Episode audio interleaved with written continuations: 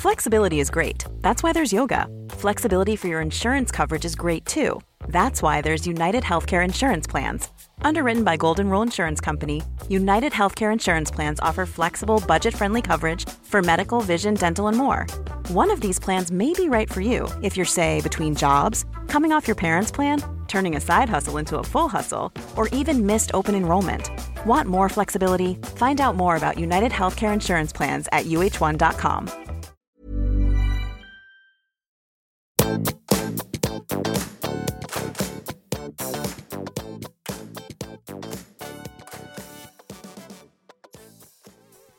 Hei, alle sammen, og velkommen tilbake til podkasten Karriereveiledning med Elaine. Ukens episode er short and sweet, og den handler om noe som vi alle tror jeg kan kjenne oss igjen i. Og hvis du ikke kjenner igjen i det her, da må du sende meg en mail, altså, for da Da veit jeg ikke. Du, det her handler om den følelsen av å Altså, eller opplevelsen av å bli eller være misforstått. Du veit der hvor du eh, setter ord på noe eller forsøker å formidle noe, og så blir det mottatt på en annen måte, eller forstått, tolket på en annen måte. Og det her handler ikke om at det er noen sin skyld. Vet du hvorfor jeg har lyst til å snakke om det her? Jeg la ut en, en liten Instagram reels for en stund tilbake.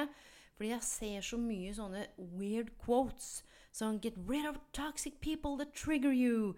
Og poenget er at selvfølgelig vi må lære folk hvordan de skal behandle oss. Vi skal jo ikke bli behandla dårlig på arbeidsplassen eller utafor. Det er å vite at nå, nå, det her gidder jeg ikke. Det å, å, kunne sette grenser. Så er ikke det jeg snakker om der hvor det er toxic, sånn at det går utover Du vet at du føler deg mindre. Eh, relasjoner som virkelig ikke er bra for deg. Du, det handler om eh, forståelsen for at veldig ofte så handler det om at den andre trigger noe i oss. Og et eksempel fra eget liv, sånn som jeg har sagt før med Aiden, sønnen min på fire og et halvt.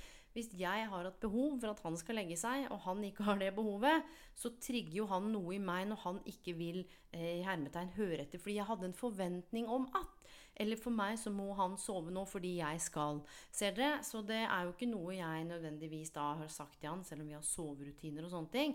Men han trigger meg. Eller jeg blir trigga i møte med han, og det er jo ikke hans ansvar. For meg som voksen menneske så er det jo mitt ansvar. Og det som er fint med det, det handler jo om at når en er i en relasjon, så foregår kommunikasjon alltid i kontekst og i relasjon.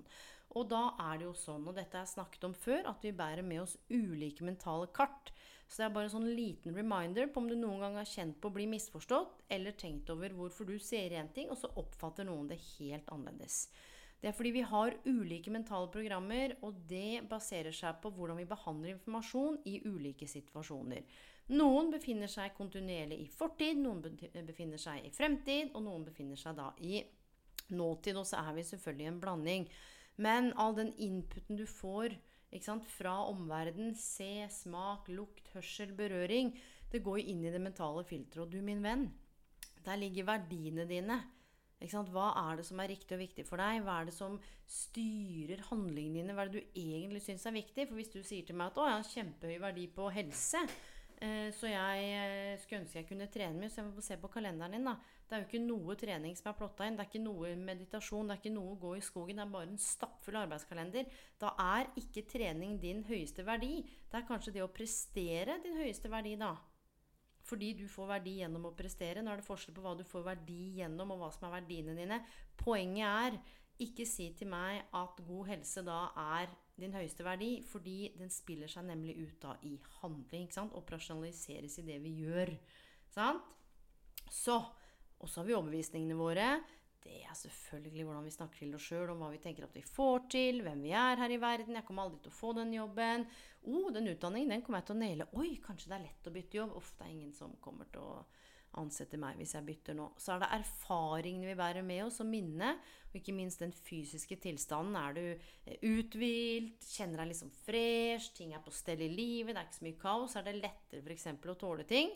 Og så ligger jo personligheten der med en hel haug av forskjellige personlighetstrekk. Der har du både the big five, det er disk Ja, det er masse ulike eh, Hva skal en si for noe? eh, tester kan jo si sånn Ja, er du perfeksjonisten? Den som liker å organisere, og som er pliktoppfyllende og styres av normer og regler? Er du hjelperen, den som elsker å skape relasjoner, opptatt av å være hjelpe andre? Ikke sant? Du kan godt være Jeg skal ikke si at det er lettere for deg å bare si ja og ikke sette grenser og er på tilbudssida, så blir du irritert fordi du hele tiden sier ja på jobben, så tar du den konflikten inni deg selv istedenfor å ta den der ute fordi du er f.eks. opptatt av å bli likt. Nå bare setter jeg det helt på spissen. Kanskje du er den som liker å utføre, bare stå på, kjøre på opp mot mål. Kanskje du er den som er opptatt av det kreative og unike, du rommer masse følelser. for så er det noen av personlighetstrekkene som rommer mye mer følelser enn andre, som har mye mer tilgang til følelsene. Det er klart det er jo litt skummelt for en som kanskje ikke tåler rommer egne følelser, at noen kommer med masse følelser. Det er klart det er lett for å bli misforstått. Så vi har ulike typer, ikke sant. Personlighet. Vi har Og her er det så mye gøy. Kanskje vi skal lage en episode om det. Poenget er, mine venner, at vi har dette mentale filteret, da. Og da ligger også disse mentale programmene. Er du en best case-tenker, worst case-tenker? Er du opptatt av helhet eller detaljer? Kanskje du har hatt en samtale, så henger du deg opp i én ting Eh, som den andre sa, mens den andre er sånn Hvorfor bryr du deg om det? Det var bare detalj. Ja, men det er fordi du er opptatt av detaljer. Selvfølgelig henger du deg opp i det. Så det er jo sånn her vi mennesker eh, påvirker hverandre, kan du si. Og så er det jo noe med at vi kan virkelig trigge hverandre. Blant annet så har jo vi adrenalin, ikke sant? Dere veit det hormonet som frigjør Som frigjøres i kroppen når det er kamp, eller f.eks. fluktrespons når det er stress eller fare. Det å bli misforstått for noen, virkelig redd for ikke å bli likt eller misforstått, det kan øke hjertefrekvensen. Det kan få bedre fokus og energi. Du blir skarp i samtalen, og du mobiliserer kanskje for rask handling av en kjapp replikk. Poenget er at når en f.eks. jobber i team, da, hvis du tar arbeidsplassen, så kan adrenalin bidra til sant, engasjement, respons. Dere står sammen i utfordrende situasjoner. Det kan fremme kanskje noen nye verdier som dere lager. Ny visjon, litt sånn risiko, økt energi i gruppa. Men det handler jo om å bli bevisst, da hvordan vi påvirker hverandre. For noen kan jo si noen ting til deg som gjør at du blir så forbanna at du får lyst til å stikke av. Eller du får liksom lyst til å gå til kamp. Og så har vi bl.a. kortisol. Det er jo et hormon som er knytta til kroppens respons på stress. Ikke sant? Og det kan jo bl.a. påvirke stoffskift, immunforsvar og søvn. For mye kortisolproduksjon vet vi ikke er bra for helsa. Men det er klart hvis en hele tiden havner i klinsj, hele tiden opplever å bli misforstått, så kan jo det faktisk eh, trigge da kortisolutskillelse. Så når det gjelder arbeidsplassen, så kan jo både ledere og kollegaer, i det minste ledelsen, karrierehelse, hvem blir du i møte med jobben, oppmuntre til a good work-life balance. Snakke om stressmestringsteknikker, pusteteknikker, mindfulness. Du vet, Å ha en kultur hvor du kan faktisk være den du er, det er ganske mye å si. Dopaminet det er et nevrotransmitterhormon som spiller en stor eh, rolle i belønningssystemet i hjernen. Og Det er knytta til følelser av glede, motivasjon og læring. Og det frigjøres når vi opplever belønning og suksess. Og det å kanskje hatt en konflikt eller vært i klinsj eller blitt misforstått, og så blir det sånn Åh, så deilig at vi klarte å løse det, bl.a. i et team så er det noe du kan styrke da dopaminen. ikke sant? Vi gir positive tilbakemeldinger, det øker motivasjon, har felles mål og en følelse av sant, kollektiv prestasjon og tilhørighet i teamet. Og Her handler det om å bruke positiv forsterkning eller anerkjennelse for å stimulere dopaminutskillelse. Og her er det jo å feire små og store suksesser. Så f.eks. det å feire at teamet har klart å løse en konflikt eller løst noe som var vanskelig. Oksytocin er jo liksom kjærlighetshormonet. Det spiller en veldig stor rolle når det er snakk om å skape følelse av tillit, sosial tilknytning og empati. Og fries un, altså, sant, under gode sosiale interaksjoner, fysisk berøring og nære relasjoner. Og det er klart, ideen da er en konflikt, eller det du virkelig føler er misforstått, eh, så er det jo sånn at båndene mellom kanskje deg og kollegaen din svekkes. Og det minimerer da, opplevelsen av tillit og samarbeid og skaper en negativ atmosfære som blir vanskelig med psykologisk trygghet og f.eks. dele ideer. Så det å være en del av et team som har fokus på å styrke samarbeid, tillit og empati, det kan faktisk bidra til å øke oksytocinutskillelsen. Og da er nøkkelen en åpen kommunikasjon og støttende holdninger og felles mål. Og det er her hvis vi går rundt og bærer på mentale, ulike mentale filtre som vi gjør, så er det jo ikke noe rart vi kommer til å kjenne på å bli misforstått. Men åpen kommunikasjon er nøkkelen. Og så er spørsmålet hvordan gjør man det? Jo, det er bl.a. gjennom å stille åpne, gode spørsmål. Hva?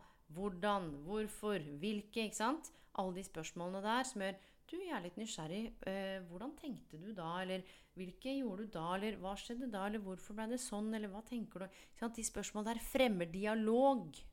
Det er noe av kjernen.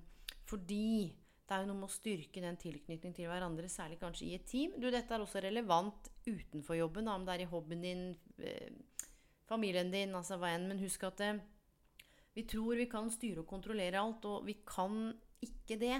Og kroppen vår, du, den er skapt sånn som den er skapt. Den, og det foregår masse sant, i hodet med nevrotransmitteren, og følelsen setter seg i kroppen. Og det handler veldig sjelden om ordene du sier. Det handler om hvordan budskapet blir levert. Bl.a. da når en opplever å bli misforstått. Så har vi serotonin. Det er et nevrotransmitterhormon som påvirker humør, søvn og appetitt. Sjukt viktig hør nå, når det kommer til å regulere selvfølelse, selvtillit og sosial atferd. Serotonin det er sjukt viktig. Det kan opprettholde et positivt arbeidsmiljø, fremme god kommunikasjon. Så kan det bygge selvtillit, men da er det jo nettopp sånn, da. At hvis du får konstruktiv feedback, altså du blir anerkjent for den du er, og det er en balanse mellom arbeid og trivsel, oppgaver og vanskelighetsgrad Du, den følelsen av å høre til. Så det jeg har lyst til å påpeke med nettopp denne podkasten her, er fordi at i dag så blei jeg misforstått. Eh, og ofte så lager jeg jo temaer basert på det dere sender inn på Insta eller mail. Og i dag så hadde jeg en opplevelse av å bli misforstått, for jeg snakket med en som eh, hørte noe annet enn det jeg sa. Og da er jo spørsmålet er det jeg som er ansvarlig da for at mottakeren har skjønt hva jeg mener, eller er det mottakeren som tolker sitt gjennom sitt filter? Så det endte opp med at vi måtte sette oss ned og ta et lite dypdykk i dette, denne reisen her, da, misforståelser. Altså hvorfor skjer det, hvordan påvirker det meg, altså hva kan vi gjøre for å løse det? Um, og det er et evig aktuelt tema. Og så er det jo sånn, da, at um, Vi bærer jo med oss erfaringer og minner kommunikasjonsbarrierer som kan føre til feil oppfatning. F.eks. så kan det jo være at vi sier én ting med ordene våre, men på kroppen så vises det f.eks. at jeg er irritert. Og det var det var det med meg i dag. Det jeg sa, og her er en nøkkel, og det kroppen viste, det stemte ikke overens. Jeg skjønner at jeg ble misforstått, fordi ordene mine stemte ikke overens med kroppsspråket. Kroppsspråket mitt, det var litt sånn Jeg var litt eh, Jeg vet ikke om det er irritert lett frustrert. Og så vet jeg ikke helt forskjellen på de to, men det er det jeg kan kjenne når jeg tenker på det nå. Og så sa jeg det nok litt skarpere enn det det var ment, og så blei det tolka da um, som skarpere enn det jeg mente det. Og poenget er, som jeg sa innledningsvis For da fikk jeg jo et motsvar eller motreaksjon, og da kjente jeg at jeg hadde lyst til å bli hissig, men så ble jeg sånn Hei, hva er det som skilles ut i kroppen nå? Oh, jeg kjente hjertet begynte å pumpe kortisol. Oh, adrenalin. For faen lyst til å slåss eller lyst til å løpe, for da gidder jeg ikke. Og så ble jeg sånn Ok, nå veit jeg at det skjer noe med neven. Nå skilles det ut noe greier i kroppen her. Det er nummer én. Nummer to, hva er det som egentlig foregår nå? Hmm. Hva er min rolle oppi dette her? Hva er motpartens rolle? Hva er det vedkommende trigger i meg nå? Det var akkurat det som ble trigga opplevelsen av å bli misforstått. Men hvis du går bak det, så er det opplevelsen av ikke bli hørt, sett eller tatt på alvor. Og så var jeg sånn Oi! Hva handler dette om? Og så begynte jeg å gå bak. Så kjente jeg sånn Hm. Hvis det ikke handler om å bli misforstått, den handler om det Har det vært uklare forventninger? Hva er det som foregår nå? Du, og vet du hva jeg kom fram til? At ok, vi har en misforståelse. Det er helt greit, det, fordi misforståelser det har vi ofte i relasjoner. Men det er hvordan det påvirker relasjonen. Tenk deg hvordan det påvirker arbeidsmiljøet. Tenk deg liksom Du, eh, tapte muligheter og ødelagte tillitsbånd. Det er sånn skal aldri snakke sammen igjen. Og så er det jo et verktøy, dere, som er empatisk validering. Jeg hører dette er vanskelig for deg fordi prikk, prikk, prikk. Eller jeg forstår at det kan virke som du mye gjør på jobben fordi prikk, prikk, prikk. Du, jeg savna å bli aktivt lytta til med empati. Og det var jo da mitt behov, ser du det, for å bli forstått. Som førte til at jeg blei misforstått fordi jeg sa noen ting på en litt annen måte. Så tenker jeg sånn Ok, så her er greia, da. Hva er det som trigger meg? Du, det var en følelse av sånn eh, Jeg følte meg liten. Jeg vet ikke om det gir mening. Hvis du noen gang har vært rundt noen som får deg til å føle deg kraftfull og sterk og smart og alt. Um, kanskje det har vært noen som får deg til å føle deg mindre. Uh, og den personen her får meg ikke til å føle meg mindre til vanlig. Men i dag så kjente jeg sånn Oi. Det var akkurat som det jeg sa, ikke var viktig. Og det er der jeg følte meg misforstått, for jeg hadde en opplevelse av det jeg sa var viktig, mens for vedkommende så var det ikke så viktig. Så litt av poenget her, da, når vi snakker om misforståelser, så er ikke dette noen sånn lang psykologisk doktorgradsavhandling om hvordan du kan gjøre det, men det handler om det er lett å peke utover, men hva, er det du, hva skjer i deg? Hva er det som skilles ut i kroppen? Kjenner du at hjertet begynner å pumpe? Du svetter i hendene, du blir tørr i munnen. Får du lyst til å stikke av fordi du blir såra? Hvordan er det du vil takle det? Punkt nummer én klar kommunikasjon. Hva er det du prøver å si? Vær tydelig og konkret.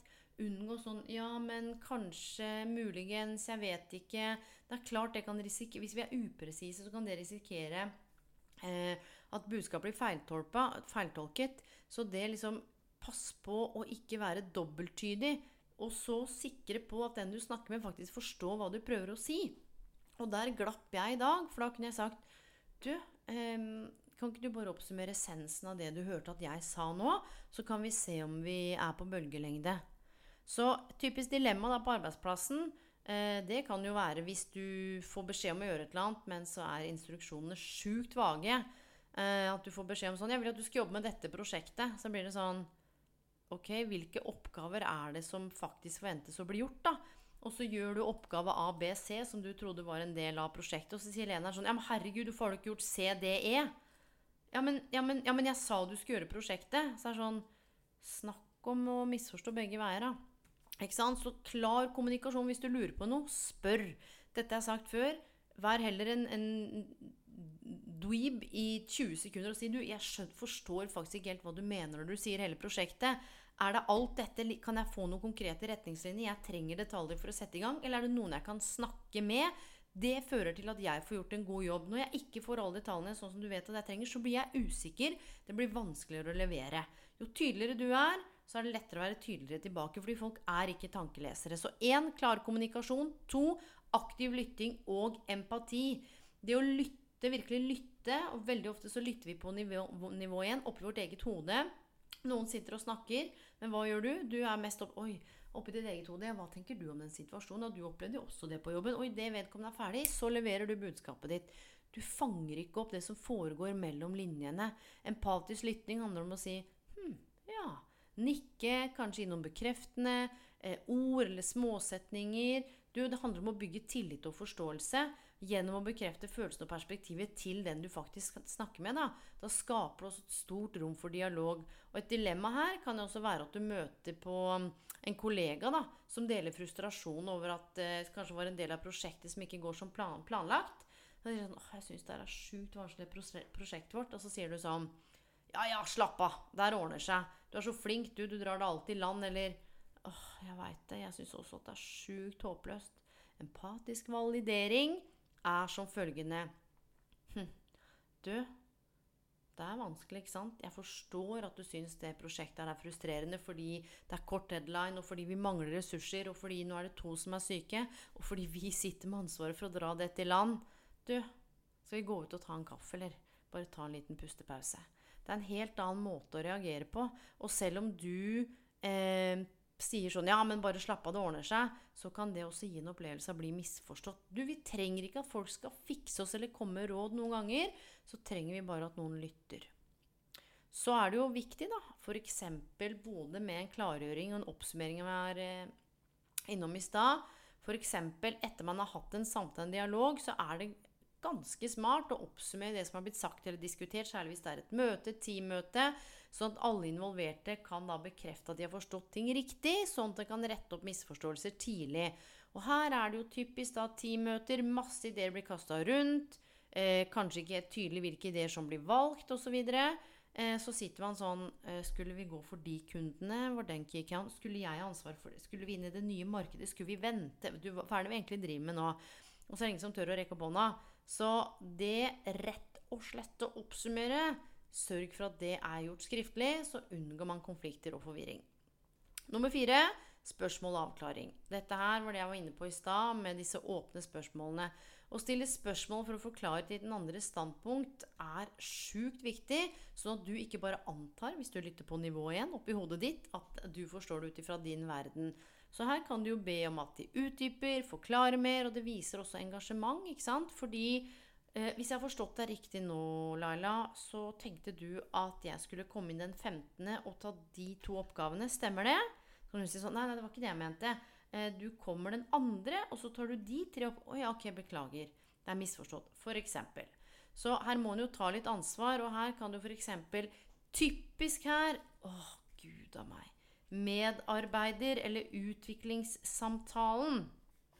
Da har du fått et ark, så skal du forberede deg, og så skal du da forberede Eller for, nå skal du forbedre prestasjonene dine. Um, så typisk da, lederen din, han gir deg en oppgave. Du skal forbedre prestasjonene dine. Uh, og da er det jo sånn Hvilke prestasjoner, hva er KPI-ene? Veit du hva det blir målt på? Uh, er det ut utviklingsmål? Er det liksom resultatmål? Eh, du trenger jo riktig informasjon. Og da er det å si du, Hvis jeg har forstått det riktig nå, så tenker du at det handler om prestasjon på budsjett? Eller eh, utvikling i forhold til det vi snakka om med AI? Eller bare så vi har forstått det samme? Så er det jo dette med kontekstforståelser. Og jeg er over snittet opphengt i kontekst fordi jeg kan være én person på en arena her hjemme sønnen min, eller oppe hos mamma og pappa, eller ute når jeg står på scenen. Men i en annen kontekst, hvor det er kanskje noe jeg aldri har gjort før, eller hvor jeg kjenner at jeg må ta styringa, så vil det jo dukke opp ulike deler av meg. Men det er jo ikke det at jeg forandrer meg sånn konkret, men det er ulike deler som får lov til å komme fram i ulike settinger. Så forståelsen av at kommunikasjon foregår i kontekst og relasjon, er helt sentralt her kan det jo være kulturelle, språklige, situasjonsmessige eh, barrierer eller forskjeller som kan føre til misforståelser.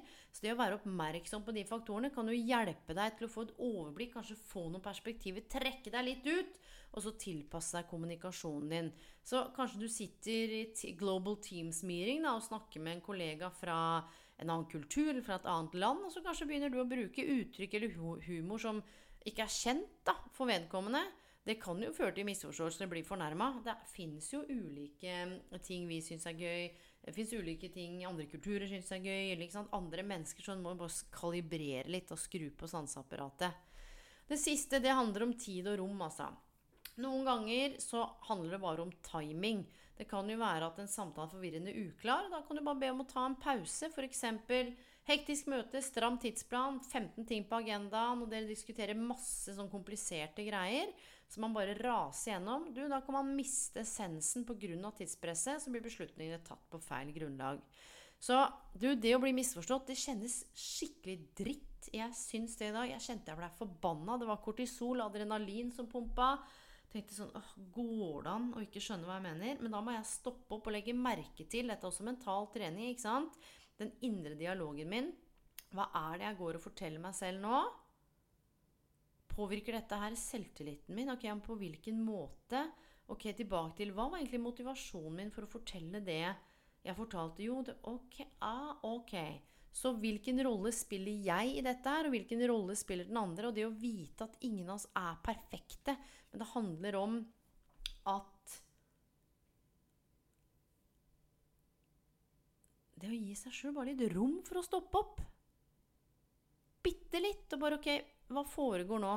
Vi er så sjukt lett for å agere. Det er akkurat som om eh, det er, Nå høres det ut som jeg er litt på viddene, men sånn å, Vi er så anspent alle sammen, og det er så mye som skjer i verden. Og mange av oss går rundt med sånn Nervesystemet er på sånn red alert. Eh, det er økonomien, og det er ting som skjer i verden, og um, Er det én ting vi mennesker trenger, så er det hverandre. Eh, og det tenker jeg er sykt, sykt viktig. Vite at det bak de ordene, eller hvordan det budskapet blir levert, eller den kjappe beskjeden, så er det jo også et menneske som bærer på sitt. Vi alle har våre historier. Um, det er ikke alltid så lett i kampens hete, men hvis du opplever at du blir misforstått, hvis det er et mønster gang på gang, ta et lite dypdykk og se hva det kan dreie seg om. Hva bor i deg, og hva bor i den andre se om det er mulighet for å løse det. Og hvis ikke, så er det lurt å få inn en, en tredjepart som kan gi noen nye perspektiver. Og det er her den øvelsen også med perseptuell fleksibilitet Husker dere den øvelsen som jeg lovte at dere skulle få? Den øvelsen med perseptuell fleksibilitet den handler om å legge ut fire lapper på gulvet. Du tar f.eks. ett hvitt av fire ark, ett hvitt av fire ark til, og så legger du de lappene ved siden av hverandre, og så skyver de ca. en meter fra hverandre. Og så setter du et ett-tall på den ene, et to-tall på den andre. Så legger du en lapp til i midten, og så skyver du den litt bakover, og så skriver du tre tall. Sånn at det er én, to, tre, nesten som en trekant. Og så tar du den fjerde lappen, og så legger du den bak, sånn at du får et hvitt ark og et hvitt ark. Og så blir det en slags Y. Og så skal du tenke på den personen, inviterer deg til å gå inn i den lappen hvor det står 1. Det er din posisjon, ikke sant? Det er der hvor du står, det er det du kjenner og føler og tenker på. Så tenker du på den vedkommende som har misforstått deg, eller hvor det har vært en konflikt. Så står du på den lappen, og så ser du for deg at du snakker til den personen som står på den andre lappen. Se på kroppsspråket. Hør om de sier noe til deg. Kanskje de er snerpete. Eh, kalde, arma i kryss. Bare legg merke til når du nå står eller sitter eller hva du gjør, bare tenker på det andre mennesket. Hva er det du ser? Hva er det du hører? Hva er det du legger merke til? Bare hente opp det du kjenner på i møte med den andre. Alt det du kan legge merke til.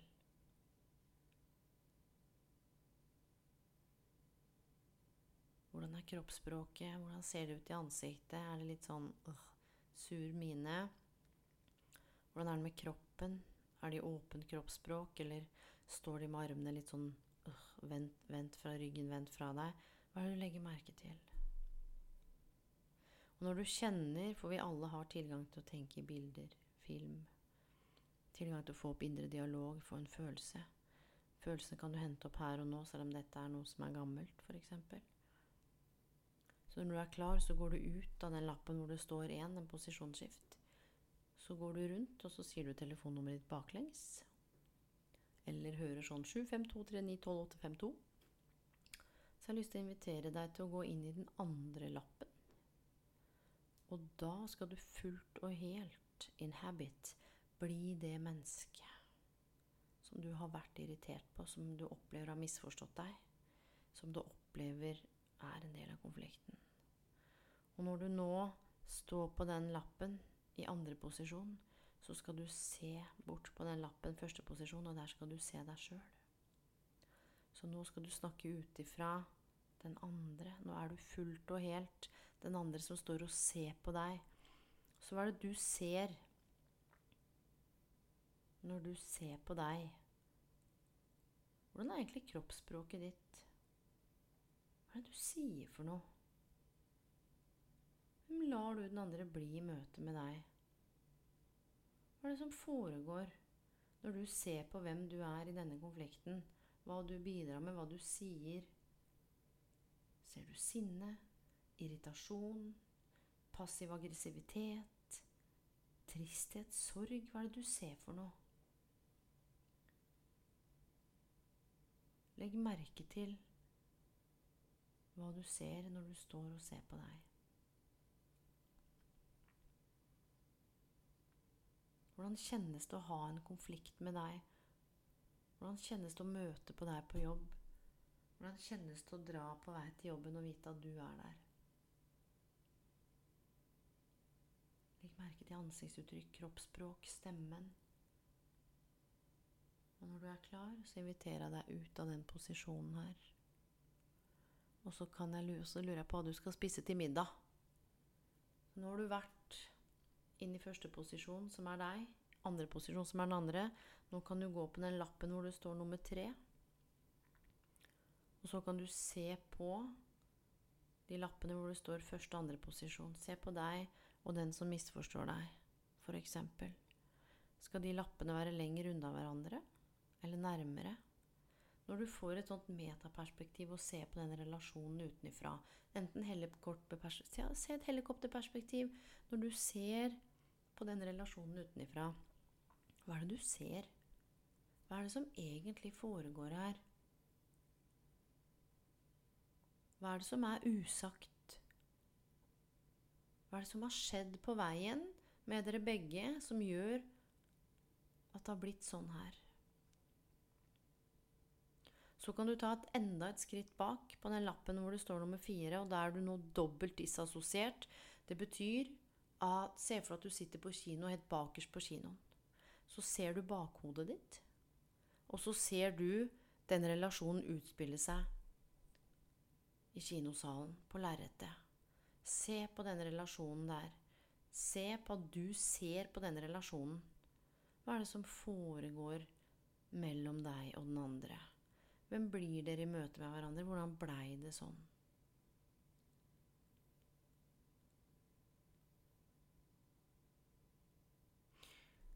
Og da inviterer jeg deg til å gå ut av øvelsen. Dette er veldig, veldig, veldig, veldig kort, quick. Vanligvis er den her mye, mye lenger. Um, og det hadde vært bedre f.eks. å sette den på video eller spilt inn en egen episode. Kan det være at jeg gjør òg. Men det her er perseptuell fleksibilitet. Det handler om å kunne ta posisjonsskift, gå inn og fullt og helt og være den andre. Noen ganger så har jeg måttet gjøre det med fattern. Eh, fordi vi er jo så veldig ulike. Det er 45 år mellom oss, og noen ganger kan jeg kjenne at jeg blir irritert. Og han mener bare godt. Men han misforstår, og jeg misforstår, og da må jeg gå inn og så må jeg se Må jeg være faren min i andre posisjon som ser på meg. Og tenker 'herregud, for en sur kjerring'. Kommer jeg opp dit, og så er jeg kort og kald, er det rart at jeg er med på å påvirke en relasjon? som jeg går i meg sjøl, og så må jeg sette ord på det. Um, så vit det, da. Jeg har også hatt en kollega og jeg tenkte sånn Dette handler ikke om meg, dette er mange år sia. Eh, og så brukte jeg den her, så så jeg meg sjøl fra den andre kollegas perspektiv tenkte ok, her kan du ta ansvar, Elaine. Swallow your pride. Gå bort og si du, vi tar en prat. Og bare fortell hva du tenker at du har bidratt med. Så dette er bare én måte å gjøre det på. Det fins veldig mange måter å gjøre ting på. Men det er ikke noe digg å bli, bli misforstått. Vi blir det alle sammen. Eh, oppfordringen her er å se om du kan eh, finne en måte å sette ord på det på. Se på hva, som, hva, hva, hva i deg som trigger. Er det noen gamle mønstre der, f.eks.? Og det var det jeg hadde lyst til å bidra med i dag. Fortsett å sende meg mail om det du har lyst til å høre. Jeg fanger det opp og skriver det ned. Det er et par episoder som ligger sånn um, lined up. Så det er ikke alltid at jeg får svar til at det er akkurat den som kommer med en gang. Men keep it coming. Glad i deg. Hvor enn du er i verden. God natt, god morgen, god kveld og på gjenhør.